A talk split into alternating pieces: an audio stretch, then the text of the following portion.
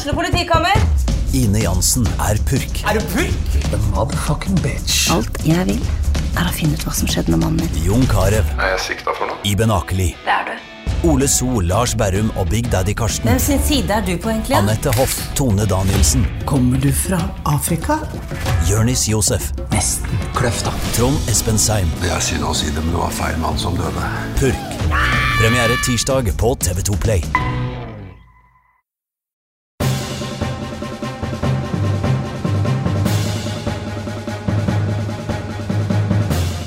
Alle sammen, og velkommen til Level Up Awards. Nå skal vi altså Oh, yeah. kåre Ja, litt hype. litt hype. Level Up Awards, hype. Nå er vi altså faktisk hele gjengen. Eh, vi er klare for å kåre eh, de beste spillene innenfor en hel drøss med kategorier. Så jeg bare gir ordet til Carl, som skal forklare hvordan dette her eh, funker. Ja, fordi vi har jo, vi har jo allerede eh, bestemt vinnerne her. Så det, det blir ikke noen debatt i dag, men det blir litt sånn eh, Det blir litt eh, prat rundt vinnerne. Det blir litt eh, begrunnelse på hvorfor de vant. Eh, Det er jo mange awards, dette her. Dette er ikke en topp ti-liste, de kommer liksom på nyåret. Men, eh, men dette er en, en, eh, en serie med litt sånne priser, sånn som Oscar og sånn med beste hovedrolle og sånne ting. Der hvor noen av prisene er litt mer seriøse enn andre. Og Ja. Noen har vi krangla mer om enn andre også. Men vi har, jeg, jeg synes vi, har, vi har vært flinke til å holde en hyggelig tone hele veien. Og det skal, det skal vi ha. Helt Altså, målet, målet her er jo å lage en kåring som vi føler representerer Level Up Norge anno 2019. Yes. Og, og Game of the Year er jo liksom Det var vanskelig å finne fram til, fordi vi hadde mange, mange kandidater. Men eh, vi kan jo si det at vi, vi, har liksom, vi har valgt et spill som vi føler representerer liksom hele redaksjonen. Mens de mer personlige topp 10-listene våre De kommer liksom seinere. Ja. Dette er redaksjonens årets, årets spill på slutten. da Vi må spare det til slutt. Og når jeg ser at vi er her alle sammen, så er det jo faktisk alle sammen. Det er eh, Carl, det er Rune, det er Nick, det er Svendsen og det er Lars. Vi er her alle seks, så det blir sikkert et herlig kaos når vi skal prøve å diskutere oss mm. frem til ting. Det gjør det. Nå er mangler bare. Bjørn, men ellers så, ellers så er vi alle sammen. altså Mm. Så da foreslår jeg egentlig at vi bare setter i gang. Det skal til å skje, at vi kommer til å lese opp eh, hva kategori det er, nominerte og vinneren, og så tar vi og snakker litt om vinneren etterpå. Eh, og så for at ikke skal, ting skal gå altfor fort, så har jeg da For, for, liksom, for dere som hører på, som lurer på hvordan dette kommer til å gå, eh, så kommer jeg til å på en måte gi, beskjed om når eh, vi har snakka for lenge, ved å vise fram en tom ballerinakjekspose. Mm. Den er tom nå. Den var ikke tom i stad, Frida. Ikke tom. Jeg har spist kjeks som en madman for å få meg med litt mat eh, mellom podkastene her. Da foreslår jeg at vi bare setter i gang, jeg. Kjør på. Klare? Oi, oi, oi, såpass, ja! Og Rune har tatt fram lydboksen. Da vet du at det er serious business. ja. All right. Og vi begynner med en ganske viktig eh, kategori. Beste hovedrolle. Og de nominerte er Harrier du Bois fra Disco Elysium. Jeg butcher sikkert det navnet. Ja, Harrier du Bois. Eh, Vi fra Devil May Cry 5. Hovedpersonen i Mosaikk. Ja, vet du hva? La oss kalle han bare Adrian. Han har ikke noe navn. Vi kaller Adrian. Det er han som har grudd designet på mosaikk. Okay. Ja, Adrian, hovedpersonen i Mosaikk. Og Goose fra Untitled Goose Game. Oh, Og yeah. Yes. vinneren er Harrier de Bois fra Disco Elysium. Yes. Kan du fortelle Ja. litt om det, Carl? Det kan jeg gjøre. Eh, Dette er hovedpersonen. Du får jo ikke vite. Det er nesten litt spoiler å si hva han heter, fordi det er jo sånt, det er et plot point i starten av spillet. Men uh, han vet jo ikke navnet sitt, for han har, han har uh, hukommelsestap. Han har drikket så, han drikker så mye at han har glemt hvem han er. Men uh, det, det unike med, med Harrier Dubois, det er, at, det er at han er både en veldig minneverdig, sterk figur med masse personlighet, og bare et sånt vrak av et menneske som eh, som virkelig har gått på en smell i livet. Og det kommer jo mer og mer fram eh, hvorfor han har drikket så mye, hvorfor han ikke husker noe, hva slags bakgrunn han har. Uh, og, og det er ganske spennende, da. Det er en veldig bra backstory for en uh, veldig morsom og samtidig veldig trist karakter. Um, men i tillegg, da, som en, sånn, uh, som en sånn fantastisk rosin i pølsa, så kan du forme Harry, eller Harrier, så mye som du bare orker. Han kan ha en drøss med forskjellige tanker oppi huet sitt, som du bestemmer. Han kan ha forskjellige verdenssyn, eh, forskjellige politiske eh, verdier, alt mulig. Så han blir jo en helt annen person, avhengig av hvem som spiller også. Men alle de forskjellige versjonene av han føles fortsatt som Harry. Mm. Og jeg helt, jeg, jeg synes det er helt magisk hvor, flink, hvor flinke de har vært til å lage en hovedperson som både kan formes, og som er minneverdig i seg sjøl. Så, så Harry er uh, en av tidenes beste hovedpersoner i spill, vil jeg si. Ja, det prega litt den kategorien her også. Mm. Det var ganske tidlig åpenbart hvem som burde vinne den kategorien.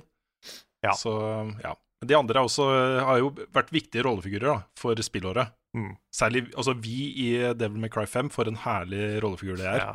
Are you thinking about mommy dearest again? It's hard not to. Og så syns vi liksom hovedpersonen i Mosaikk representerer på en måte den moderne mennesket. Ja. På eh, godt og vondt. Eh, mest vondt da i dette spillet, men eh, noe som mange kan kjenne seg igjen i.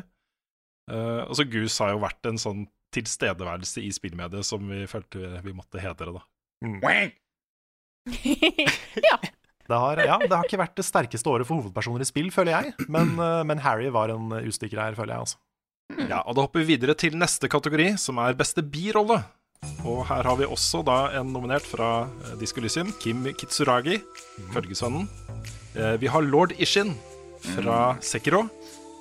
Vi har Ahti fra Control. Det er han eh, gærne finske vaktmesteren. Ja. Han er en sånn G-man. Og vi har Clifford Unger, Mats Mikkelsen fra Death Stranding. Og her også, en, vi, Nick og jeg, vi var så Ja, vinneren er Clifford Unger. Yes. Cliff Mats Mikkelsen. Mats Mikkelsen, beste birolle. Eh, Du er selvskreven for meg, altså. Han er så flink. Mm. Ja, den rollefiguren der er eh, det, det er Death Stranding for meg. Storyen i Death Stranding den beste sidene, De beste sidene av storyen i, i Death Stranding er det Mats Mikkelsen og Clifford Unger som står for. Det er uh, amazing, rett og slett. Mm. Jeg kjempa litt for Kim Kitsuragi der, eh, rett og slett fordi han er, han er eh, den beste partneren en stakkars eh, forfallen detektiv kan be om. Mm. Han er bare så kjernekar. Ja, og de andre to også har jo Lord Ishin er jo det moralske senteret på en måte i Sekiro. Han, en sånn tilstedeværelse gjennom hele spillet som er veldig viktig. Og Det samme gjelder jo for så vidt til en viss grad Ahti også, i Control. Han er litt sånn G-man. Han dukker bare opp, du vet ikke helt hvem han er, hvor han kommer fra. Du får egentlig aldri svar på det, men han er sjukt morsom. Og har den der utrolig tjukke finske aksenten. Herlig rollefigur, altså. Mm. Det er noe morsomt med finske aksenter. Mm. Er en av de morsomste, egentlig. Ja. Hmm. OK, skal vi gå videre Yes. til uh, The Best Boy. Og for, for å si litt om kategorien Best Boy, da. Vi har jo Best Boy og Best Girl. Mm. Og den er litt sånn prega av at det skal være, de skal kanskje være litt sånn unge. De skal være litt sånn, litt sånn pure, kanskje. Litt sånne eh, figurer som man blir glad i. Hvis de har en litt sånn naiv, sånn koselig uh, Et koselig syn på verden som, som man føler man må beskytte litt. Den type ting, da. Det er Best Boy og Best Girl. Så vi begynner med Best Boy. De nominerte er Sora fra Kingdom Hearts 3. BD1 fra Star Wars Jedi Fallen Order. Så den, så den. Kuro fra Sekiro. Og Alfino fra Final Fantasy 14 Shadowbringers. Så fire bra boys der, altså. The best boys. Vinneren er Sora fra Kingdom Hearts 3. Og den, den kjempa jeg litt ekstra for, så jeg kan jo begrunne det litt. Sora er en sånn fantastisk naiv, god fyr. Han er en kjernekar. Han ordner opp. Han har en sånn optimistisk, herlig uh, måte å se verden på. Sora er alt det jeg skulle ønske jeg var mer av. Han er liksom bare ålreit. Gjennomsyra ålreit. Og bare, til tross for hvor mye dritt som skjer med han gjennom de spilla her, så, så mister han liksom ikke den der naive go get em-holdningen sin. Og det, det har jeg litt respekt for. Jeg føler Sora er Han blir ikke satt nok pris på som hovedperson. Så um, derfor, derfor vant Sora. Du er nå gjennomsyra ålreit du òg da, Carl. Og det var hyggelig Ja. sagt, Svendsen. Det var veldig hyggelig sagt. Men ja, da, da har vi jo da kommet til Best Girl, naturligvis. Ja. Mhm. Mm. Ja, da bare setter jeg i gang med en gang, fordi de nominerte er da Mama fra Death Stranding, Sherry fra Resident Evil 2, The Divine Child fra Sekro og Marianne fra Fire Emblem Three Houses. Og vinneren er da Marianne fra The Three Houses. Fire Emblem, altså. Nice. Og denne her var jo litt vanskelig, for vi har jo alle sammen uten tvil spilt eh, Fire Emblem Three Houses, da. Og, men det er jo sånn over 30 karakterer der, så det er jo litt vanskelig å kanskje finne en favoritt. Og, men jeg, jeg ble litt eh, Jeg ble litt betatt av hun Marion ganske tidlig fordi hun prata med dyr. Oh. Fordi det, det var kraften hennes i det spillet. Hun prata så mye med dyr. Men hun trodde samtidig også at hun var forbanna, så hun turte ikke å forme vennskap med de andre elevene på denne skolen. Så da var det min jobb å liksom få hun til å åpne seg litt, da. Og det skjer jo noen ting i denne historien nå, og det er jo så klart veldig mye character development. Du er jo en lærer som skal hjelpe disse elevene på denne artige Holdt jeg på å si Galtvort, men det er jo nesten Galtvort. Det er Harry Potter i middelalderen. Hm. Og jeg syns at uh, den største belønningen i det spillet var å liksom se hennes sin character development. Bli venner med resten av elevene. Begynte å snakke med dem, og hun snakka fortsatt med dyr, så klart. Men hun fant en sånn god balanse mellom det, da. Så derfor så syns jeg hun uten tvil var best girl of 2019. Mm.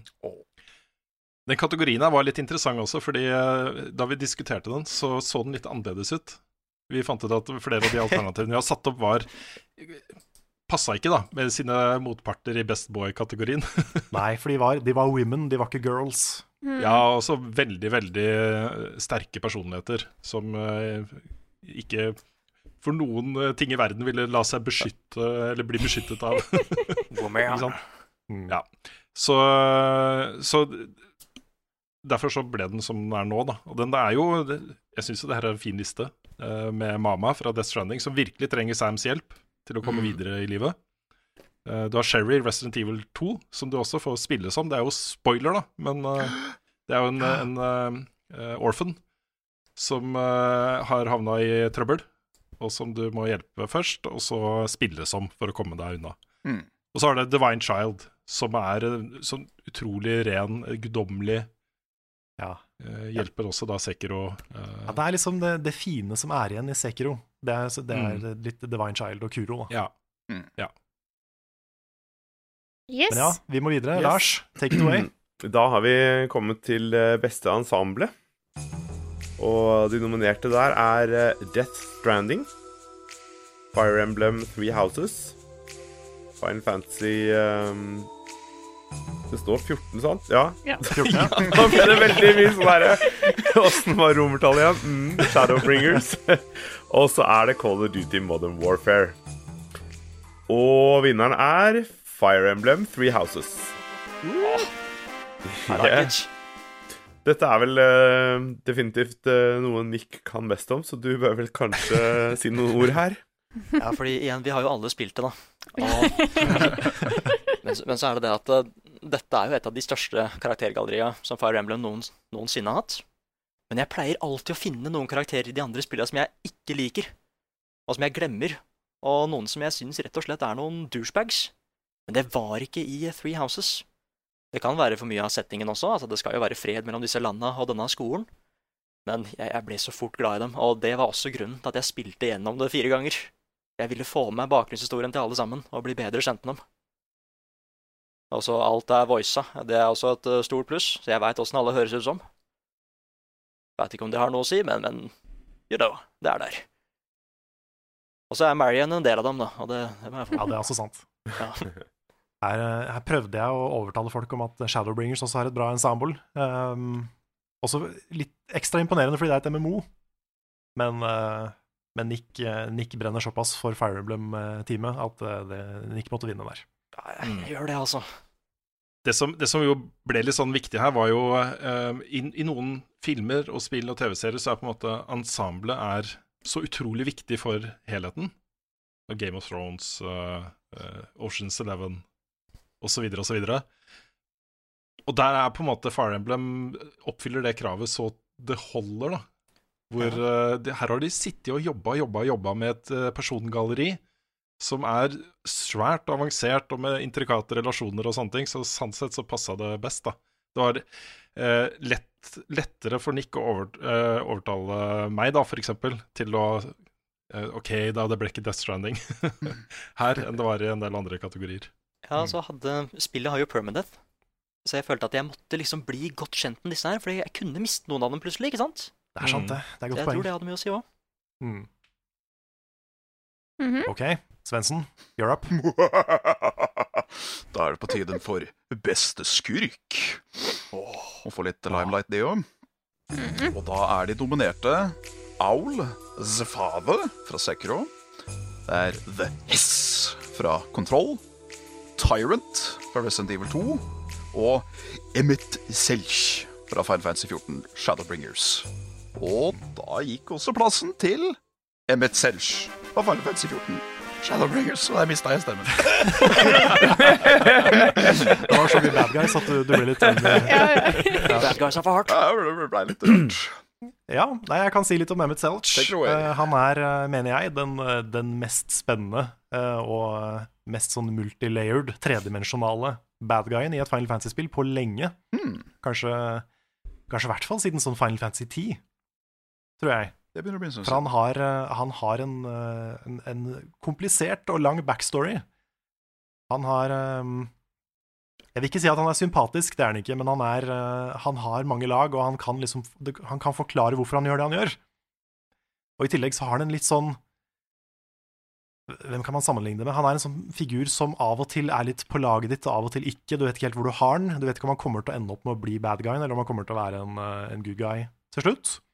Fordi han, han har vanlige samtaler med liksom de snille, da. Og de er skeptiske til ham, men han hjelper dem noen ganger. Så sånn, hva er det egentlig han vil, hva er det han prøver på, hva er det han jobber for? Han er et sånt spørsmålstegn. Helt til uh, intensjonen hans blir tydelig, da. Og det er først da du ser hvor uh, Både hvor spennende og hvor skummel han kan være. Så, så han er en uh, toppklasse bad guy, altså. Mm. Det var jo din overbevisning som, eh, som ble uh, tungen på vektskålen her i den kategorien. For det er fire utrolig gode nominerte. Det er det. Fire utrolig gode skurker. Mm. Vi kan hoppe videre. Vi skal nå til beste visuelle stil. Her har vi nominerte Control, Death Stranding, Sayonara Wild Hearts og Mosaikk. Og vinneren er Death Stranding. Dette var mye diskusjon rundt. Ja, kanskje det vi diskuterte mest. Ja. Ja. For hva, hva legger man i visuell stil? Mm. Og det er, eh, det er bare ett av Ja, to av disse spillene har jo ganske sånn fotorealistisk grafikk. Uh, men ikke på den måten hvor bare Å, det her så pent ut. Altså Du kommer over en åskam, og så ser du eh, lyset filtreres gjennom bladene på trærne og alle de tingene der. Men det, både Control og Death Stranding har noe mer. Er en mer gjennomtenkt uh, greie på det visuelle. Hvor de har lagt til elementer som er unike, da og som får dette spillet og denne verdenen til å skille seg veldig ut fra alt annet. Uh, og det har vært en, et kriterium, da. Det at det skiller seg ut, at det har en veldig uh, fokus i spilldesignet. Hva slags visuell stil det er, og at det påvirker spillopplevelsen eh, i forskjellige retninger, da. Han holdt jo på gå til Mosaikk, eh, som har jo en veldig på måte, Det er en veldig spesifikk visuell stil, eh, som er mye mer sånn artsy. Mm. Eh, og det samme gjelder jo Sayonara Wild Hearts, egentlig. Så det er ganske Mm. hva Hvordan en skal sette opp eh, sånne spill mot hverandre, er vanskelig når en skal eh, velge sånt. Ja, vi har jo gitt prisen her til, eh, til beste art director. Det er jo på en måte det vi har gjort. Hvor eh, det visuelle in inkorporeres i alt på designet. Hvordan bygningene ser ut, hvordan utstyret ser ut, hvordan klærne til eh, Sam og de andre ser ut. Hvordan verden ser ut generelt. da. Eh, hvordan ting ser helt nytt ut når du bygger det, og så blir det gradvis mer og mer rustent. Så når det til, så slutter det til slutt å fungere. Det er så mange sånne ting i den verden her. Og Også hvordan The Beach ser ut, hvordan kampene mot BTs ser ut. Hvor det kommer sånn tjære, svart tjære overalt og sånne ting. Det er så mye jobb da på art direction i det spillet at uh, for meg var den her åpenbar, altså. Mm. Så egentlig den eneste jeg, jeg var eh, nære på med control for det. Også er veldig bra der. Vi skal kåre beste historie. Dette er nok en kruttsterk kategori, for å si det mildt. Eh, hvor de nominerte er da Disco Elysium, Outer Wilds, Control og Death Stranding. Og jeg vet ikke, er jeg den eneste som har spilt alle de fire spillene Ja. i redaksjonen? Ja, det tror jeg det er. Mm. Um, men vinneren er da det spillet jeg har spilt minst. Disco Elysium. Yes. Og den var også, syns jeg, litt åpenbar. Fra Ja. det lille jeg har sett, og fra det du sier om det, Carl, så er det noe man skal hylle det spillet for, så er det kanskje det. Ja, det er noe med liksom det manuset og den dialogen. Og bare Når det kommer til liksom hvordan man skriver spill, så føler jeg at Disco Elysium er liksom noe av det beste ever. Mm. Det har et så sterkt manus, og så skarp dialog hele veien, liksom. Det er så mange bra lines, og det er, det er liksom så mye tekst det spillet har, så blir det aldri kjedelig å lese, fordi det, det bare er så mye, og det er så bra. Det er som å lese en dritbra bok samtidig som man spiller et point like-spill, liksom. Mm. Så, så den historien er eh, fantastisk, rett og slett. Det er jo tre andre gode spillere òg, da. Ja, det er det også. Jeg, jeg vil jo, det, min favoritt er nok muligens Outer Wilds på akkurat dette her. Mm, enig. Uh, men men uh, Jeg har jo kritisert Death Stranding masse for historien, men det er jo elementer av den som er ti av ti for meg. Mm. Det er jo ikke alltid historien jeg, syns er dårlig, men no, noe, det er ingenting jeg syns er dårlig. Men det er noe jeg syns er fantastisk, og noe som er mindre bra, da. Ja, shame. Ja, men eh, ja, Outer Wilds traff meg spesielt på den også. Den gjorde det. Yes. Mhm. Da går vi videre til årets gjennombrudd. Mm. Og måten vi har definert gjennombrudd på, da, det er at dette er det første store spillet eh, fra en utgiver eller utvikler som har slått skikkelig an. Og de fire nominerte, da, det er Outer Wilds, Disco Elysium igjen, Baba Is You og Mordhau. Mm. Og vinneren denne gangen er Outer Wilds. Yes. Det er, ikke, det ikke engang fra maskinen min. Da klapper jeg på ordentlig. Såpass, ja. ja. Nei, men her er det også fire sterke kandidater. da. Eh, når det gjelder f.eks. Baba Is You, så sjekka vi da på hjemmesiden til han som har lagd det. Han har lagd 100 spill eller noe sånt, men alt er jo sånn game jam, sånne kunstneriske, rare ting. Ingenting hadde kommet ut på konsoller, så vidt jeg vet, da. Uh, men Baba Is You er gjennombruddet hans. Mm. Hvor han har fått ut på konsoll. Folk eh, har det med i, eh, som nominerte, og kanskje vinner i noen kategori på Game of the Year-kåringer osv. Så, videre, og så, videre. så er et godt eksempel på hva vi mener da, med gjennombrudd. Mm. Mm. Men Outer Wilds, altså. Det, Mm. Er det så bra? det er det. Ja, det er så bra! Får Bare legge stol på oss. Det skal spilles før jeg lager topp ti-lista mi. Det skal det. Det er liksom en herlig kombinasjon av litt space exploration som ikke bare er liksom la oss gå rundt til en eh, random generert verden og se litt hva som finnes av rare dyr her. Det er jo faktisk en historie. Så du går rundt med, med mål og mening. Du skal prøve å finne restet etter en fortapt sivilisasjon. Eh, og finne ut vel hvordan disse ulike planetene du er på, fungerer. For det er ganske mye stilige planeter her. Eh, som alle er Så har du bare 20 minutter på deg. Ja, så har du bare 20 minutter på deg. Eh, Om, altså, når du spawner inn, om 20 minutter så går hele verden under i en eh, supernova. Så da må du liksom Du husker da hva du har gjort de, andre, de forrige 20 minuttene, så du kommer tilbake 20 minutter tilbake i tid Ok, det er kult. og kan gjøre noe nytt. mm. Mm, det er kjempestilig. Og Det er en ting som jeg ikke har snakka så mye om, men som jeg har tenkt på en del, og hver gang jeg har eh, snakka om spillet, så har jeg glemt å si det. Det er det at måten historien og rollefigurene og dialogen presenteres på, minner meg så mye om sånn Nintendo 64, Banjo Kazooie-type stil. da Hvor du går rundt og snakker med folk, og de har liksom veldig unike personligheter, og så får du opp mye tekst, og de har liksom laget litt lyder uh, istedenfor å si ord rett ut. Det er en veldig sånn sjarmerende måte å fortelle den historien på. Ja, you're speaking my language. Mm. Mhm. yes. Yes. Nick? Ja, fordi det har vært et eh, ganske insane spillår, ass. Men vi har jo også hatt noen, noen skuffelser her og der. Det er jo naturlig, så klart.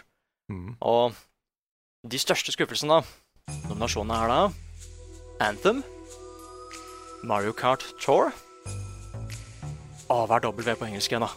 W. W. W. WWE 2K20. og NBA 2020. Og vinneren, eller det, det, det, beste, Taperen. den beste taperen, den beste taperen og verste vinneren, er da Anthem. Ja, det måtte nesten bli det. Ja, Kan det jeg måtte nesten bli det. Ja. Ja. At jeg blir sjelden sånn revet med av hype. Det, det er noe jeg har slutta med, fordi jeg, jeg, jeg føler ofte at det, det, for, for, det står ikke til forventningene.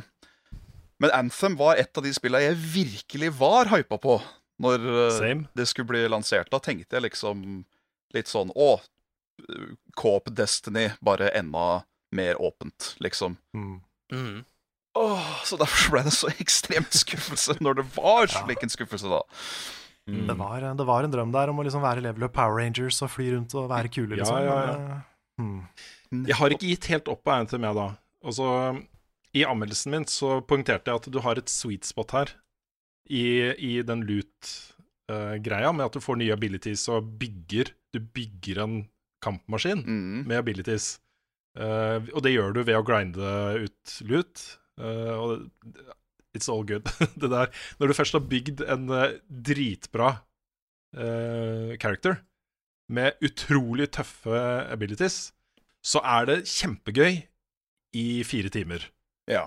Og så er det ikke gøy lenger. Men akkurat den sweet spoten der var akkurat nok da, til, for meg til å se at vet du hva, det her kan bli noe, det. Hvis de setter seg ned og jobber med det. Og det gjør de jo nå. De har satt seg ned og sier at de skal fikse det, men jeg tror ikke det kommer til å skje. Jeg er, eh, Ja, det er Nei, de skal i det hvert er fall så ikke til. trøbbel. Det er litt kjedelig når i forhold til lut, da, når på en måte det beste våpenet i spillet var det du våpenet du starta med. Ja! Ikke sant? Mhm. Ja, de hadde masse greier. masse greier Jeg anbefaler alle å lese artikkelen til Jason Schreier i Kotaku på uh, utviklingen av det spillet her. Kommer en del truth bombs også i den artikkelen med hvordan de har gjort dette her. Ja, Det kan du tenke meg. Og grunnen til at vi var hypa, vet du, det var jo samme grunnen til um, hans Patrick Sødlund, tror jeg det er, som er en av toppsjefene i EA. Uh, var først og så på dette spillet hos dem, og kom, ble rasende, for det så helt jævlig ut. Det her var jo ikke det de hadde sagt de skulle lage. Og så fikk de presset på seg da, til å overbevise han. De fikk to-tre måneder på seg til å lage en ny demo hvor de skal vise fram spillet. Og det de viste fram da, var omtrent det samme de viste fram på E3, som gjorde meg og deg og andre Svendsen hypa, Mm. hvor de plutselig flyr. Ja. De flyr, og de lander på bakken med superhero poses, og det er under vann, og så opp og så i bak, Ikke sant? Og da var det sånn Å, wow, dette er jo dritbra. Men de hadde, det var jo det de hadde. De hadde jo ikke noe mer. De hadde jo ikke tenkt hvordan det skulle påvirke resten av spillet og sånne Nei. ting. De hadde bare et pent bilde å vise. Ja. Ja. Så ja. Yes. Synd. Da er vi kommet til eh, kategorien beste norske spill. Og de Nice. nominerte der er eh, Mosaikk, Draugen, Skate City og Degrees of Separation. Og vinneren er Mosaikk. Jepp, jepp, jepp, jepp. jepp. Gratulerer, Mosaikk. Gratulerer, Yes. Mosaikk. For et spill. Jeg syns jo jeg syns det er det klart beste norske spillet i år, men uh, det er, de, de andre tre er, har også ting ved seg som jeg liker innmari godt. da. Det har et budskap, og det, er, det dedikerer seg 100 til å bare formidle det budskapet. Mm. Jeg skulle, jeg skulle så ønske at flere spill hadde en så tydelig visjon for hva de var, Mm. for det er ganske fett. Så eh, massive props til Mosaikk der, altså.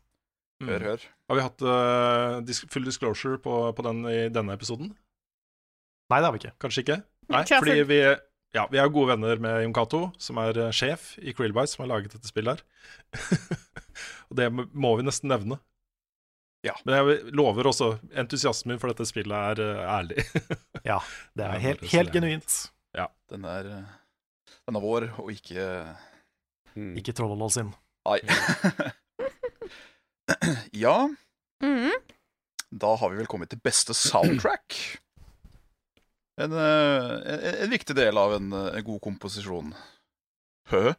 Uh, da er, da er eh, de nominerte Death Stranding, Sayonara Wild Hearts, FFX1V Shadowbringers og Cadence of Hyrule. Og da er vinneren Death Stranding. Selvsagt. Selvfølgelig. Jeg hadde blitt sint hvis det ikke, hvis det ikke var det. Jeg også, faktisk. Såpass, ja.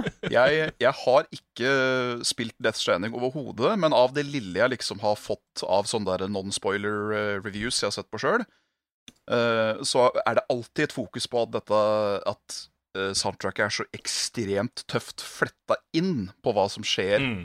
på skjermen når du er ute og reiser og styrer og steller, og det er jo noe Ja, så av det kuleste jeg har hørt. Ja, altså mens Hideo Kojima gikk og drømte opp dette spillet her, da, rusla rundt og hørte på musikk på eh, sin gamle iPod, jeg vet ikke hva det bruker. Gamle platespiller. så, så hørte han jo på Low Roar, som er et indieband. Ja. Um, og på en eller annen måte så har musikken deres da fletta seg inn i selve spillet når han har lagd det, mens han har lagd det. Og så har han fått med seg bandet da på å bruke låtene sine i spillet. Og det som skjer, er at du kommer til punkt i historien. Du kommer over. Du har vært gjennom det kjipeste helvete av BTs og dritt som du kan forestille deg. Regner, alt gearet ditt blir ødelagt. Kommer over åskammen. Været letter, sola kommer inn, og der ligger liksom Port Not City og venter på deg for en sånn lang slette. Og så kommer liksom kameraet, går litt tilbake. Og så begynner musikken, og så kommer det opp nederst i venstre hjørne hva låta heter, og hvem som har laget den. og så hører du bare den helt gjennom mens du går ned. Sanne øyeblikk, altså. Og så har de da i tillegg til det, for dette er dritbra, eh, det at han har brukt Low Roar som en sånn tune, da, eh, en stil for hele spillet, så har han fått sånne som Churches, Alan Walker, Apokalyptika til å lage egne låter til spillet. Og i tillegg så har Ludvig Fossell lagd et sånn mer tradisjonelt soundtrack som også er amazing. Som også er amazing, som er litt, den, eh, litt mer overnaturlige, litt rare lyder, litt sånn stemningsfullt. Mye brukte de i trailerne, så kom av Death Stranding i forkant. Så du har alle tre ting Det er så fuckings imponert, altså. Det er det beste kanskje med hele spillet. Det er nesten overkill, vet du, men eh, Ja, det er nesten overkill. Du bør vinne neste år også, bare for syns skyld. Go big or Jeg go tror- home, right? Ja. Jeg tror vi heller går videre til neste, eh, som er beste låt. Eh, altså enkeltstående låt eh, med jeg håper å si sangtekst, det er vel ofte det det blir. Eh, som du, Rune, forklarte som at en sang som kanskje også vi kunne hatt på Spotify-spillelista vår. Sånn på en måte. Og eh, de nominerte er Devil Trigger fra Devil May Cry 5. Beavis Theme fra Death Stranding. The Smallest Church in Saint, Uh, Saint San-San. Sansa eh, fra Disco Elysium. Det er lenge siden jeg snakker fransk. Og Weight of the World Prelude Edition fra Final Fantasy 14 Shadowbringers. Og vinneren er BB's Theme fra Death Stranding. Det var en tøff kategori. Nei, jeg kjempa med nebb og klør for Weight of the World Prelude Edition fra Neo Tomato Raid i Final Fantasy 14, men uh, I didn't win. Nei, argumentet da, som jeg har brukt når vi har diskutert dette her, er at uh, også én BB's Team er en veldig flott låt. Og dette er jo Ludvig Fors- Forsell som har uh, laget. Um, den er nydelig. Det er en vuggevise, rett og slett. Som uh, Hadde jeg hørt den før mine barn ble født, så hadde jeg hadde sunget. Eh, men det er også en låt som brukes gjennom hele spillet i forskjellige versjoner og med forskjellig betydning, og som har en veldig, veldig direkte, konkret, reell betydning for, for spillet og historien som fortelles. Eh, og det er særlig da kombinasjonen av de tingene, hvor viktig den er for hele spillopplevelsen, men også at det er en helt nydelig låt, da. eh, som gjorde at jeg kjempa litt for den. ja, hadde det ikke vært for konteksten, så hadde jeg nok gått for Wait of the World, jeg òg. Det er jo Near Nier Automata. Mm. Det, det ble BB, altså. Ja. Så er det to andre bra her også, da. Du har jo Devil Trigger fra Devil May Cry 5. En, Mm. herlig litt sånn, hva skal man kalle den, den låta her? Det er litt, litt sånn på, på nivå med Infinite Steam fra Sonic Forces, bare hakket kulere. Mm. Det, er, det, er, det, er, det er cheesy, men det er fantastisk cheesy. Pull the Devil Trigger. Og så har vi ikke minst The Smallest Church in Saint San, som er den eh, Kanskje ikke vakkert sunget, men, men liksom veldig ektefølte sangen til Harry Dubois, eh, som eh, prøver å komme seg på beina igjen og snakker om hvor, hvor, synger om hvor vondt han har det. Ja. Den, en herlig, det, den er så bra, og vet du hva? Eh, det var nesten sånn at jeg vurderte å stemme på den, bare basert på Jeg har bare hørt den i anmeldelsen din, Karl. Ja, Den det er jo da den sangen som avslutter anmeldelsen min av mm. Disco Elysium. Det var så nydelig. Det var så perfekt da, for Mm. spillet, for characteren og for alt det der. Herlig, altså. I agree. Mm. Men vi går videre til neste kategori, og dette er jo en, dette er en level up-kategori, folkens. Oh, ja. Årets litt sånn som Dark Souls. Vi snakker jo ja, Vi kan ta det etterpå. De nominerte er da Remnant From The Ashes. Det er da ett spill. Ja. Uh, Code Vein, The Surge 2 og Blasphemous. Ja. Og vinneren er The Surge 2. Yes. Og det er Altså, vi, vi eh, snakker jo mye om at ting ligner litt på Dark Souls. Uh, og i eh, forrige episode av podkasten så snakket vi jo litt om betydningen FromSoft og uh, Dark Souls har hatt på spillmediet i det siste tiåret. Ikke rent lite. Og det er jo ikke ubetydelig, altså, den innvirkningen det har hatt på spillmediet, og på, hvor inspirerende det har vært for andre utviklere. Hvor mye som inkorporeres i alt fra et lite indiespill som Blasphemous til et stort Triple A blockbuster-spill som uh, uh, Jedi Fallen Order, ikke sant? Ja. Mm. Så um, ja. Ja, det også også en diskusjon om vi skulle ha med Jedi Fallen Order i den her. Mm, Vi fant ut at det var, det var ganske likt Dark Souls, men det var ikke likt nok til å komme inn her. Og så må jeg òg si at på et tidspunkt så Altså, vi diskuterte òg om Skal Sekiro være på en liste? Men vi fant ut at Ja. det var et FromSoft-spill på ei sånn liste. Ja, vi, Blir vi diskvalifiserte. Sekiro fordi det var FromSoft. Ja. Ja. Mm. Ja. Men The Surge 2 det er en veldig hyggelig eh, pris å gi, syns jeg. Veldig. Fordi eneren var jo et fem av ti-spill for meg. Ja. Um, Ja, det vil jeg si meg enig i. Ja. Og det, det var liksom Det var et potensial der, akkurat som det var i de andre spillene til uh, denne utvikleren her. Men, uh, men The Surge 2 fiksa liksom alt det som ikke var så bra med Surge 1. Ja, jeg, jeg syns Surge 2 har gjort det du sa i din anmeldelse om Code Vein om en eventuell toer der. Ja, jeg er enig. det- det var et eller annet med Surge 1, det var noe der, Mm. men at med en toer så kunne de mest sannsynligvis litt mer perfeksjonere oppskriften og få til et litt mer sånn sammensatt bra spill. Ja. Og det syns jeg på alle mulige måter de klarte med Search 2. Ja, de gjorde det. Jeg tror de, liksom, jeg tror de har sett på Search 1 uh, og tenkt at ok, det som mangler her, det er FromSoft level-designet. Ja. Og så bare klarte de å lage det. For Og gud det er imponerende. Og det, liksom, det fikser det spillet. For gud bedre og lei du blir av å se den ene factory hallen etter den andre factory hallen etter den tredje factory hallen. I Search 1, ja. Ja. Ja. Med da Men det, det er en helt annen verden av level-design i, i toeren. Ja. Så uh, props til The Surge 2 der, altså. Jeg vil også gi min props til Blasphemous som et veldig kult eh, i, i, skulle si innlegg til um, hvordan du kan gjøre den uh, Kall det Dark Souls-oppskriften, da, på en annen måte. Mm. Uh, for du har liksom Blasphemous, og så har du Åh Salt and Sanctuary, er det det heter? Ja, det stemmer. Det er vel hovedsakelig de to som har utmerka seg innen feltet. Ja, hvis ikke du teller med, med Hollow Knight, da. Jo, hold, jo, jo. Ja, det må jo med. Det hadde Ja. vært med i den kategorien her hvis det kom i år. Det hadde, det Det hadde nok vunnet også. Jeg hadde nok vunnet også. Ja. Jeg, jeg, jeg, er sånn, jeg er sånn rarvrang og syns ikke at det er så Souls-like. Selv om det har veldig mye av det er mer. Metroid, kan du kanskje si. Um, men ja. Absolutt veldig velfortjent. Yes, vi går videre til årets comeback. Og igjen, hvordan vi definerer comeback, det er at uh, enten spillserien eller spillstudio har vært borte en stund, eller vært litt halvdårlig en stund, men kommet sterkt tilbake, da. Og de nominerte er Call of Duty Modern Warfare, Devil May Cry 5, der sto det Two Point Hospital, men vi hadde, jeg hadde blingsa, for det kom ut i fjor. Så vi eh, la inn Devil May Cry 5 der i siste liten. Wargroove og Days Gone. Og vinneren er Days Gone. Ja. Nice. nice. Jeg må bare nevne at jeg var sterkt imot å ha Devil May Cry 5 på den lista, Karl. Så jeg Ja. skulle konsultert med oss andre først. Ja, men vi var, vi var i gang med podkasten, og da måtte jeg bare finne på noe. Ja, jeg skjønner, jeg skjønner. Det er fordi eh, DMC var jo bra, Devil May Cry 4 var bra. Det er tolv år siden Capcom har lagd et Devil May Cry-spill, så sånn sett så er det jo et comeback. Ja. Men ehm, ja.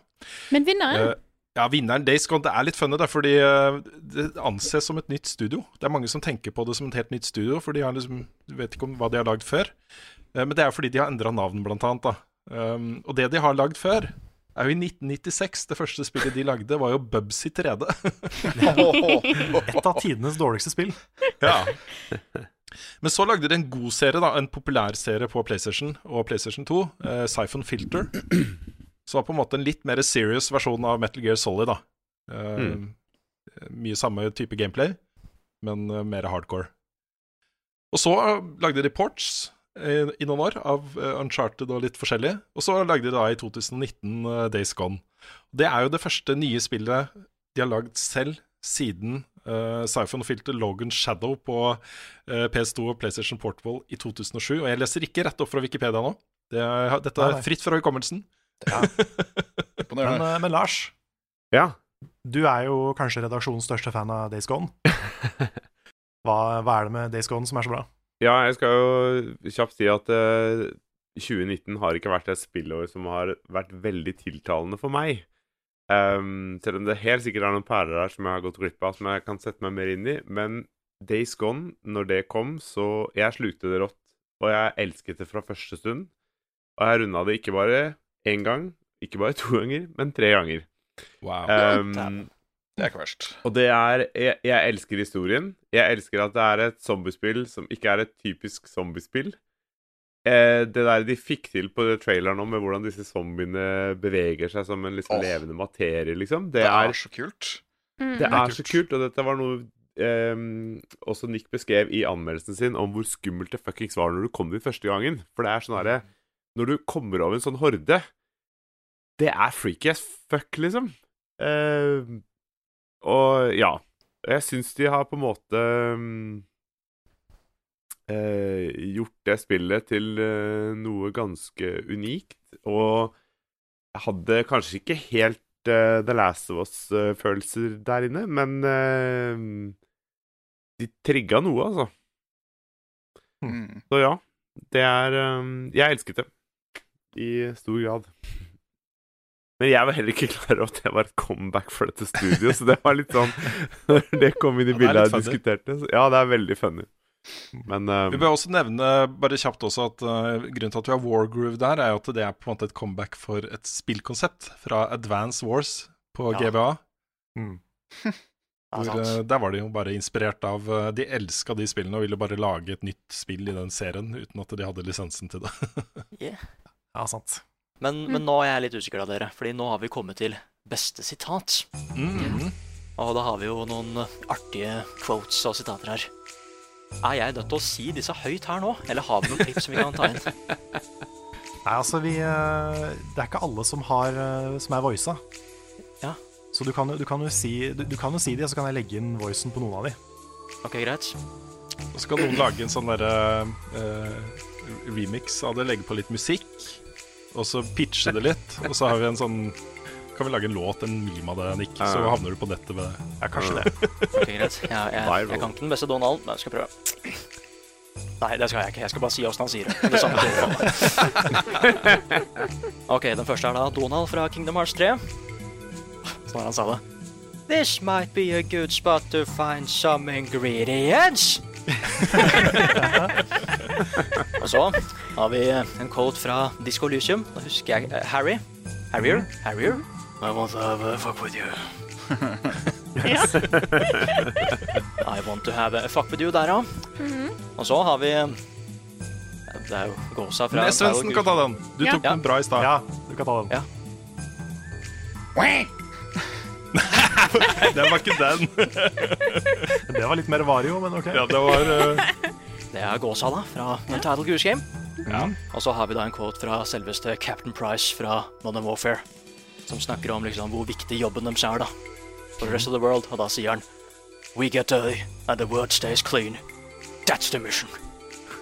Det er veldig bra. altså Vi trenger jo ikke opptak fra spillene, vi. Bra levert, Nick. Nei, jeg, Bra jeg, gjør så, jeg gjør så godt jeg Og- kan. Men vi har juksa litt her, da. Fordi vin vinneren er alle fem. Ja. Ja. Ja, vi, vi klarte ikke å velge her. Og så var det også litt det at uh, hvis vi hadde satt oss ned da, og begynt å diskutere dette her og lete etter quotes fra de forskjellige spillene, så kunne vi kanskje funnet 50-100, kanskje 200 andre Mm. nominerte som Mm. er like bra, eller kanskje bedre. Ja. Så ja. Men jeg, jeg har lyst til å i hvert fall legge inn lydklippet av Donald Ja, som sier 'This might be a good spot to find some ingredients'. Fordi jeg har aldri før hørt en voice actor tvinge å kjempe seg så hardt gjennom en replikk noen gang. Som å prøve å si det der på Donald Dusk. Så bare hør etter, og bare nyt det klippet her. This might be a good spot to find some ingredients. Det er veldig sånn spørsmålstegn nå, etter, eh, etter Ja, hvordan det er levert. jeg er litt usikker. Dette kan være et fint sted for noen ingredienser. Det er et, en, en nydelig line. Men vi må videre. Ja. Lars. Yes, vi har eh, kommet til kategorien eh, beste våpen slash gadget. Og um, nominerte der er uh, Ringfit-ringen. Uh, granater av tiss og bæsj. Uh, armen til Wolf. Og Poltergust G00. Vinneren er er armen til Wolf. Hell yeah. Jeg får legge til litt grana granater og tiss og bæsj. Det er jo Death Stranding. Ja. De heter jo Number One, uh, Number Two. Basert på om du har gjort Number One eller Number Two, så lager den granater av uh, sekretene dine. Ja. Det er, det er ikke verst. Det er, det er, Ja, armen til Wolf er der fra Sekiro. Ja. Han, får jo, han mister jo armen og får en sånn prosthetic arm, Mm. så man kan koble på masse greier som blir forskjellige abilities, da. Og Poltergust G00, eller GU, Mm Mm. Luigi's Mansion 3. Yes. Ja. Det er jo, Pol Poltergusten har jo vært Luigi sitt faste, faste eh, Altså lille apparat, eh, som får nye modifikasjoner. Er nyeste. G00 GU. Mm. Men det er armen Yes. til Wolf som stikker av med seieren. Mm. Glem uh, Swiss Army Knife, for å si det sånn. Nei, men det var jo en sånn utrolig Jeg liker jo sverdkampene best i Sekiro. Jeg syns det å bruke uh, Sabimaru, er det det sverdet han setter? Sabimaru! Kusabimaru, er det ikke det? Ja, noe sånt. Det er, fall- det er det jeg liker best, da. Men Ja. det at du kan bruke den armen til å eksperimentere forskjellige builds uh, og uh, forskjellige typer taktikker i kamper og sånt, Ja. er kjempebra. Rett ut weak spots i enkelte boss fights. Ja, noen av de er så nyttige og gjør ting så mye enklere i superkjipe kamper. Sånn, bare Firecracker så var kanskje det jeg brukte mest. Å ja. oh ja. Eh, så, så det er jo dritviktig for, eh, for kampopplevelsen i spillet. Også bare en liten shout-out til slutt til Ringfit-ringen, fordi dette var jo året vi fikk Ringfit Adventure, og det, Ja, den ringen er faktisk ganske kul og fancy, og du Mm. kan komme i formen. Så props til Nintendo for den. Beste pressekonferanseøyeblikk, ikke sant? Ja, ja. Mhm. ja, ja. Da er de nominerte Breath of the Wild 2. Og her har vi en person, uh, Kinao Reeves. Eh, Ikumi Nakamura og Ghostwire Tokyo. Og Devolver Digital. Og som oss, som tydeligvis hele internett, så var det jo da absolutt Kinao Reeves som stakk av. Ja. ja. Denne kategorien er jo med. Denne kategorien er med fordi vi dekker jo mange pressekonferanser i løpet av et år, med livestreams og cams, og vi har live fra etere og hadde live fra Game Awards og sånne ting. Det er ikke måte på. Nei, så dette er på en måte øyeblikk som uh, sto litt ut, da. Um, Yes. Fra året som har gått. Ja, hele internett falt for Keanu Reeves, det har for så vidt gjort det allerede. Mm. Men uh, han kommer på scenen og er så jovial og god og, og sier at vi alle sammen er breathtaking. Hvordan kan man ikke, ikke falle for det, liksom? Nei, og han det ble er et jo herlig øyeblikk. helten til internett, mer eller mindre. Det har han vært lenge. Han bare funnet ut at oi, han bare Han bare er sånn tvert igjennom god, han. Ja. Han bor igjen, fortsatt i en bare en vanlig liten leilighet. Han har ingen bodyguards. Han Nei gir bort da. mesteparten av pengene sine til veldedig formål. Tar offentlig transport. Ja, ja, ja. Det er pakka. Så, så trenger han ikke bodyguards heller, vet du. Nei, det gjør han ikke. Det er Han er jo han er fuckings John Wick. Ja, vet du hva? Det må jeg bare si bare så kjapt, for jeg er litt sånn småfanboy av Jeg må si det. Og da sier han at eh, eh, han syns det er veldig kult at folk liker John Wick, og han kommer bare til å fortsette å presse ut så mange John Wick-filmer han klarer, så lenge folk har lyst til å se dem. Og det syns jeg bare er sånn Åh! Ja, det er herlig. Det er kult. Uh, de andre nominerte, bare for å gå litt superkjapt gjennom det, var jo Ja. også Breath of the Wild 2 ble annonsa som en sånn sjokk. Ingen hadde forventa. Mange hadde håpa, da. Innerst inne et lite håp om at kanskje vi kan få mer Breath of the Wild, for det var jo så bra. Ja. Og så kommer bare bam, her er det, liksom. Vi lager det, det kommer. Det var fett, Mm. altså. Det var det. Um, Ikumi Nakamura, hun uh, sto jo for det herlige sånn uh, Jeg husker whoop, ja. på mm. Veldig sjarmerende og ble litt sånn darling ganske fort. Ekstremt. Mm. Uh, og Devolver Digital mener vi da pressekonferansen de har på etere hvert år. Det er jo tredje gangen de hadde det i år. De tar Og de, ja, de fucker med hele etere og alt. Det er spillmedie og Det Det er har blitt et Devolver Shared Universe nå. Mm. Ja. Da går vi videre til beste spill vi ikke har anmeldt. Det er ikke alltid eh, å strekke strekker fullstendig til. Eh, og de nominerte er Mordhau, Apex Legends, Afterparty og Greedfall. Og vinneren er Greedfall. Det er et av de spillene jeg gir Ja. meg sjøl litt juling for at jeg ikke har uh, fått rota på dette spillet ennå. Ja, hele redaksjonen gjør det, og det er derfor det vinner også. Men dette er jo flaut, da. Det er flaut at vi har en kategori med beste spill vi ikke har anmeldt. Og vi kan jo ikke vite helt sikkert, bortsett fra når det gjelder Apex, for det har vel de fleste av oss spilt Mm. i år. Um, men hvor det da ikke blir en anmeldelse. Og det er uh, Det er jo et tegn da på uh, et synlig bevis på at vi hadde hatt godt av å være litt flere mennesker til å anmelde ting. Fordi eh, vi får ikke med oss alt. Vi kan ikke få med oss alt. Dessverre. Kategorien er beste free to play. eh, og de nominerte der er Dauntless, Destiny New Light, Apex Legends og Tetris 99. Men vinneren måtte bli Apex Legends. Gratulerer til Apex. Ja, det er ikke bare bare, altså. Å komme inn i, eh, i eh, Battle Royale-sjangeren med så sterke aktører, særlig da PubG og Fortnite, selvfølgelig. mm. Bare eh, være bra, liksom. Det Ja, og skjære seg en plass i den, den sjangeren der. Ja.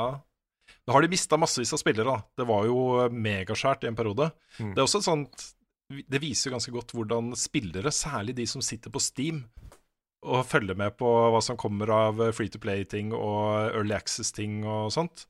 Hvis noe er bra, så flyter det så fort opp til overflaten, og så går folk i flokk. Forlater et spill og går over til et annet og kaster seg over det.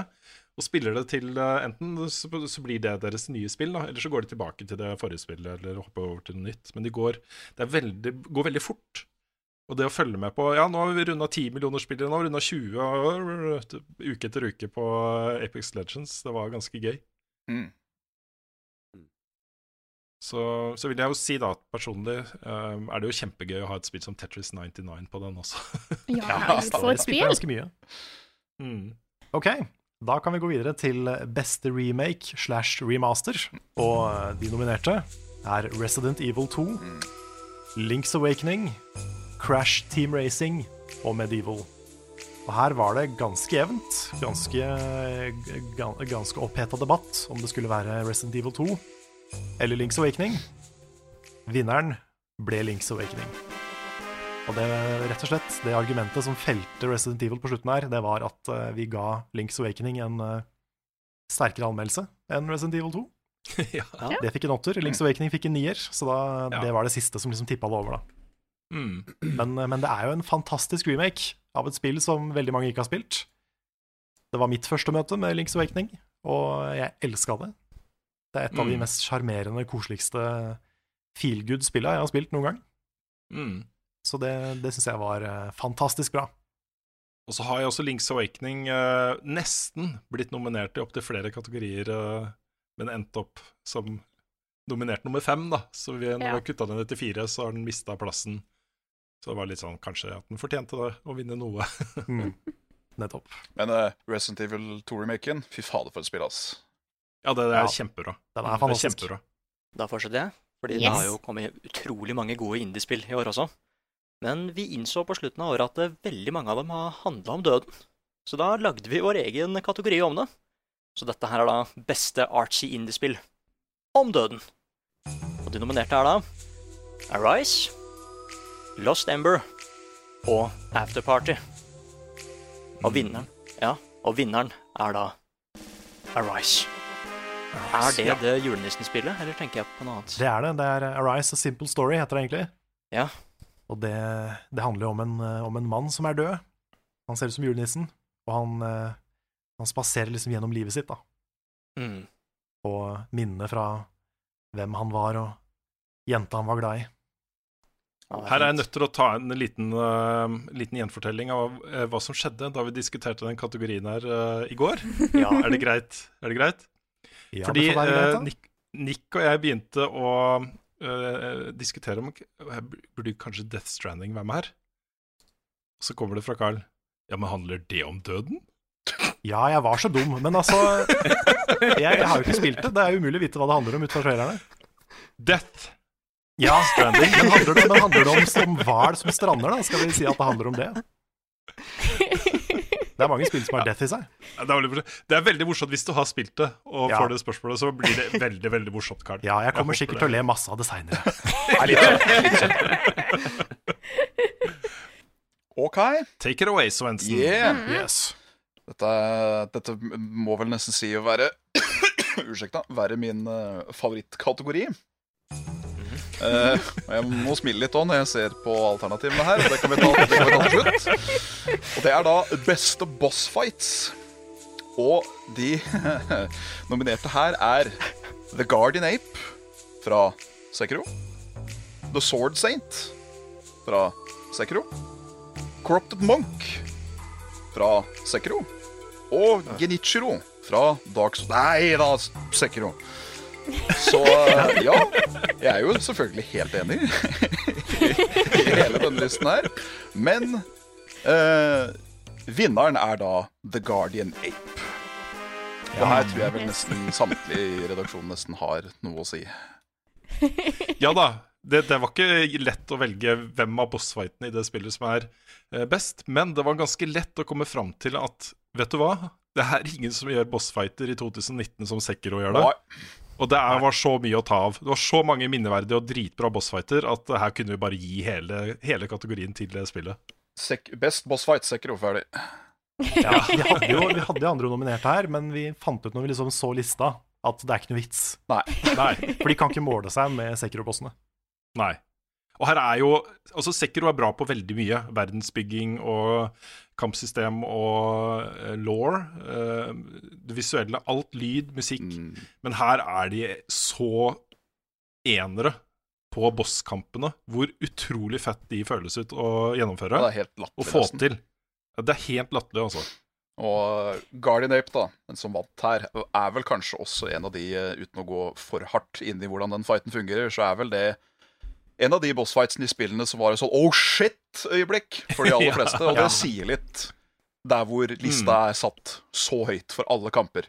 Så kommer du plutselig Ja. til denne, og da er det sånn Ja, legg fra deg alt du trodde du visste, som jeg holdt på å si. Ja, Mm. Det er så mye med den kampen. Ja. Den har liksom Den har en plot twist i seg. Ja Og den, eh, den, det er den mest imponerende animerte bossfighten jeg har sett noen gang, tror jeg jeg kan konstatere her og nå. Ja, jeg syns vi kan eh, Jeg synes vi kan spoile hvordan den fighten Ja, går. Kan ikke du gå gjennom det, Carl? Jo, det kan jeg gjøre. Du møter jo da en sånn svær, hvit uh, apekatt. En, en realistisk versjon av den der Rabbit Kong fra Mario Rabbids. Ja, og når, når du sier svær hvit, vi må prøve å visualisere for folk hvor stor den faktisk er. Fordi Ja, da er er det ikke sånn Donkey Det Kong er er liten, brysthøyde, sånn. liksom. Ja, det er, det er, det er et, er hu- treetasjes hus. Ja. ja, han er svær, og han, han, han, liksom, han oppfører seg som helt annerledes som alle andre bosser i spillet. Han kaster bæsj på deg. Ja. Han, eh, han Promper på det, Han altså. er rabiat, ja, og han fleiler rundt som en, eh, som en eh, sk skrullepetter. Ja. Mm. Og han, han er liksom bare helt klin gæren. Og så er det ganske vanskelig, men ikke den verste bossen du har slåss mot uh, bare første fasen. Det går seg til. Ja, og så vinner du. Og så kommer det opp liksom at du vant, og den typen den gamle regla, og så skjer det noe. For du kutter jo av huet hans, og da ligger da en sånn decapitata massiv eh, gorilla på, på bakken. Og så våkner han opp igjen. Han plukker opp huet sitt og river et sverd han har i nakken, ut av nakken sin, og begynner å slåss med det sverdet. Og så er det en helt annen kamp, med en hodeløs gorilla, som i tillegg kommer tilbake igjen seinere i spillet.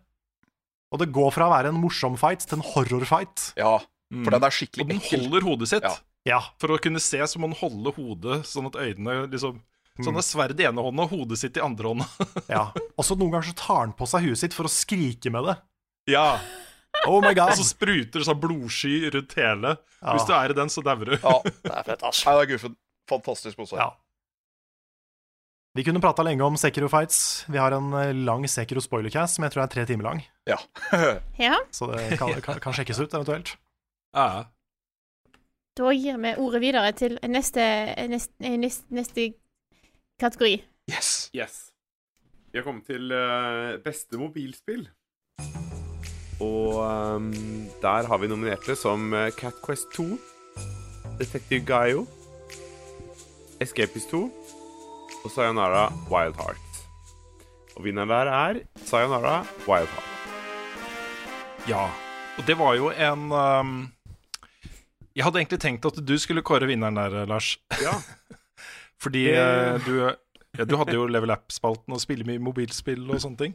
Mm. Og så ble det da det ene spillet du ikke hadde spilt som vant deg, men det var fordi jeg følte sterkt at det var et dritbra mobilspill, og du var ikke like villig til å ofre Og så argumentere for at et av de andre tre burde vinne. Så da ble Nei, det for min del så var sånn. det sånn Det var ikke noe liksom krise. Og så skal det sies også at det er jo morsomt at ingen av disse spillene her er jo et pure mobilspill, da. De finnes Mm. jo også på PC, typ, og PlayStation og for så vidt, noen av de. De er laget spesielt for Altså, de funker veldig bra på mobil, og det er laget Ja. med tanke på at det skal spilles på mobil. Yes. Og har blitt viktig for den plattformen, da. Yes, det har det definitivt. Og det, det er det som gjør at de fungerer så bra også. Um, jeg har da selvfølgelig ikke fått prøvd Sayonara Wild Hearts ennå, som er en del av Apple Arcade. Mm. Så for øvrig er en glimrende tjeneste hvis man har lyst til å prøve gode spill. Så Jesus, den er bra, altså. ja. Da kan vi gå videre til nest siste kategori. Nå begynner vi faktisk å nærme oss eh, slutten her. Dette er folkets favoritt. Her gikk vi ut på Level Up Community og spurte eh, folk der om hva som var deres favorittspill i år.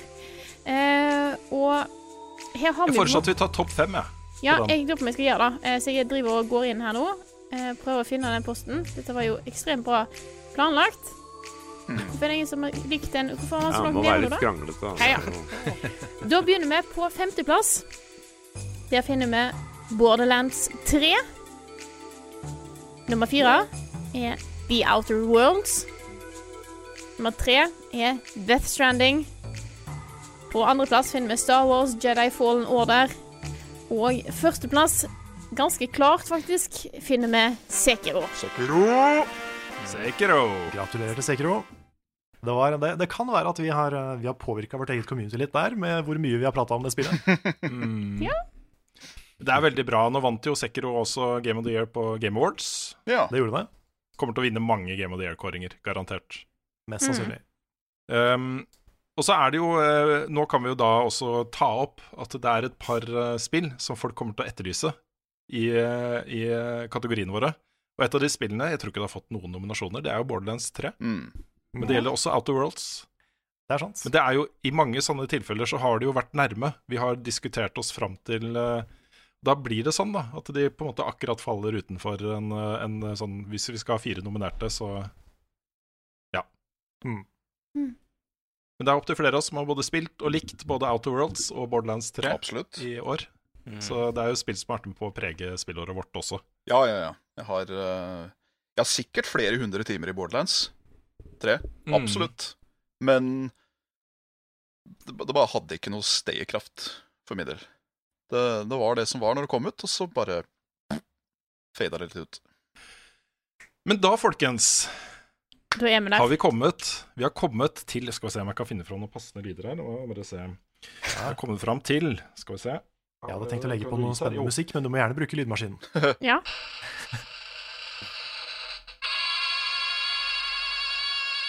Kategorien er Årets spill 2019. Oh, yeah! It's time.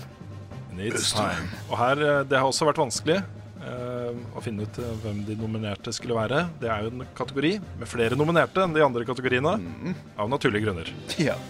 De nominerte til Årets spill 2019 fra Level Up Norge er da Disko Elysium, Sekiro, Control, Death Stranding, Fire Emblem Three Houses, Outer Wilds Og så foreslår at vi slenger på Days Gone. Yay! Ja. For, for Lars. Det er én av seks. Jeg mener veldig sterkt at den bør være der. Så syns jeg det er innafor. Ja. Yes. Vi har jo sju nominerte. Sju nominerte. Mhm. Men vinneren er Sekiro.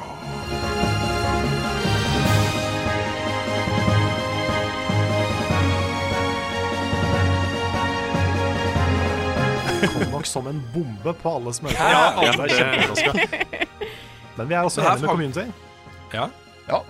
Vi, vi er på linje her har, dette her tror jeg kan bli interessant også, fordi når vi skal lage våre egne topplister Ja. Det kan godt tenkes at Sekiro topper alle de også, men der blir det vanskeligere for meg. Det var lettere for meg å si at ja, selvfølgelig skal Sekiro være årets spill hos oss. Mm. Det er jo det spillet flest av oss har spilt og elsker, og jeg har runda det seks, sju, åtte ganger sjøl, og, eh, og så videre. Um, men når jeg skal lage min personliste, så må jeg begynne å tenke litt på hvor mye Control har betydd for uh, spillmediet. Hvor eh, glad jeg ble av å spille Outer Wilds.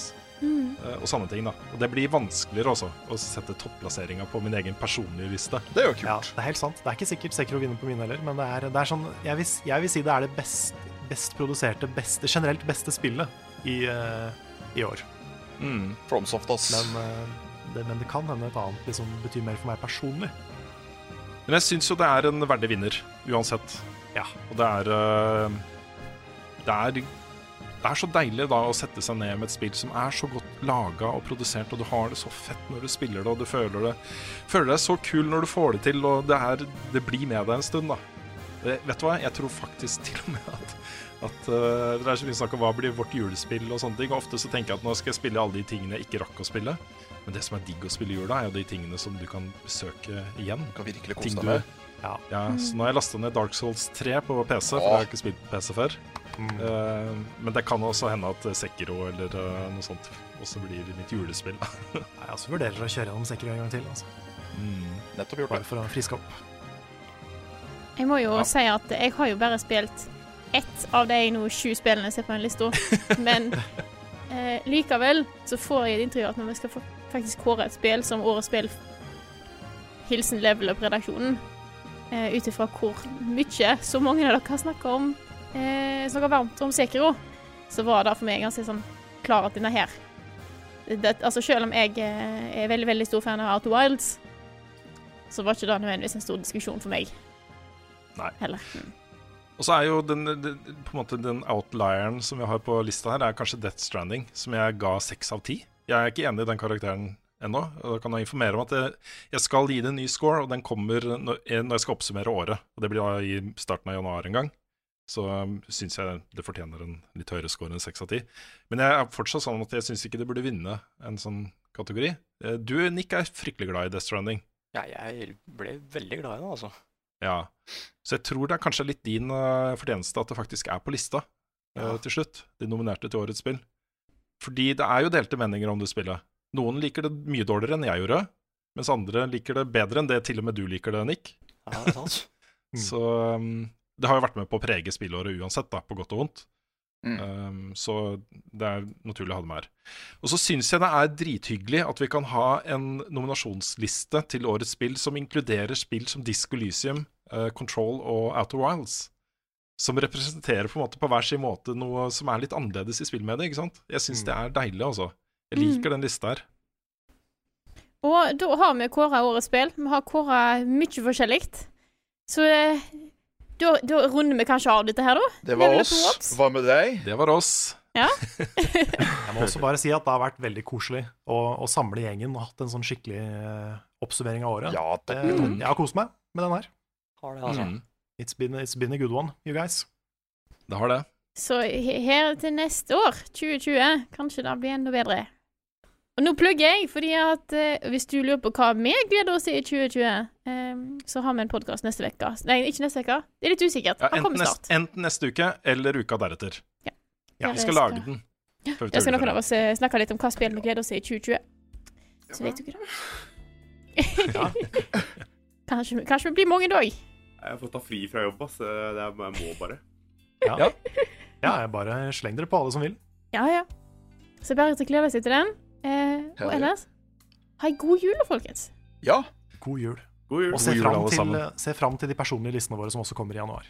Ja. Yeah. Eller senere. Tusen millioner milliarder takk til alle dere som backer oss på Patron. Det er eh, derfor vi kan gjøre de tingene vi gjør. Vi hadde ikke eksistert uten de menneskene som backer oss på Patron. Så i år så skal jeg være såpass sleip og si jeg ønsker dere en spesielt god jul. Såpass. Forskjellsbehandling her. Eh, Rune. Ja, litt forskjellsbehandling der. En en, meget god jul til alle Patreon-backere.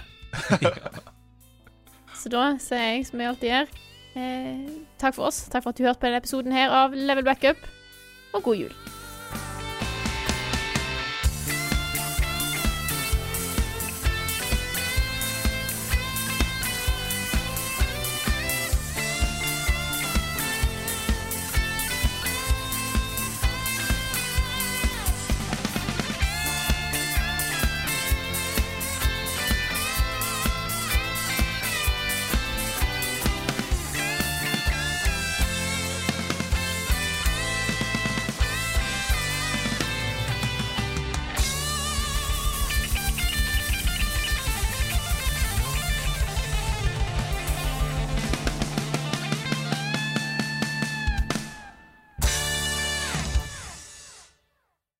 Har du et enkeltpersonforetak eller en liten bedrift?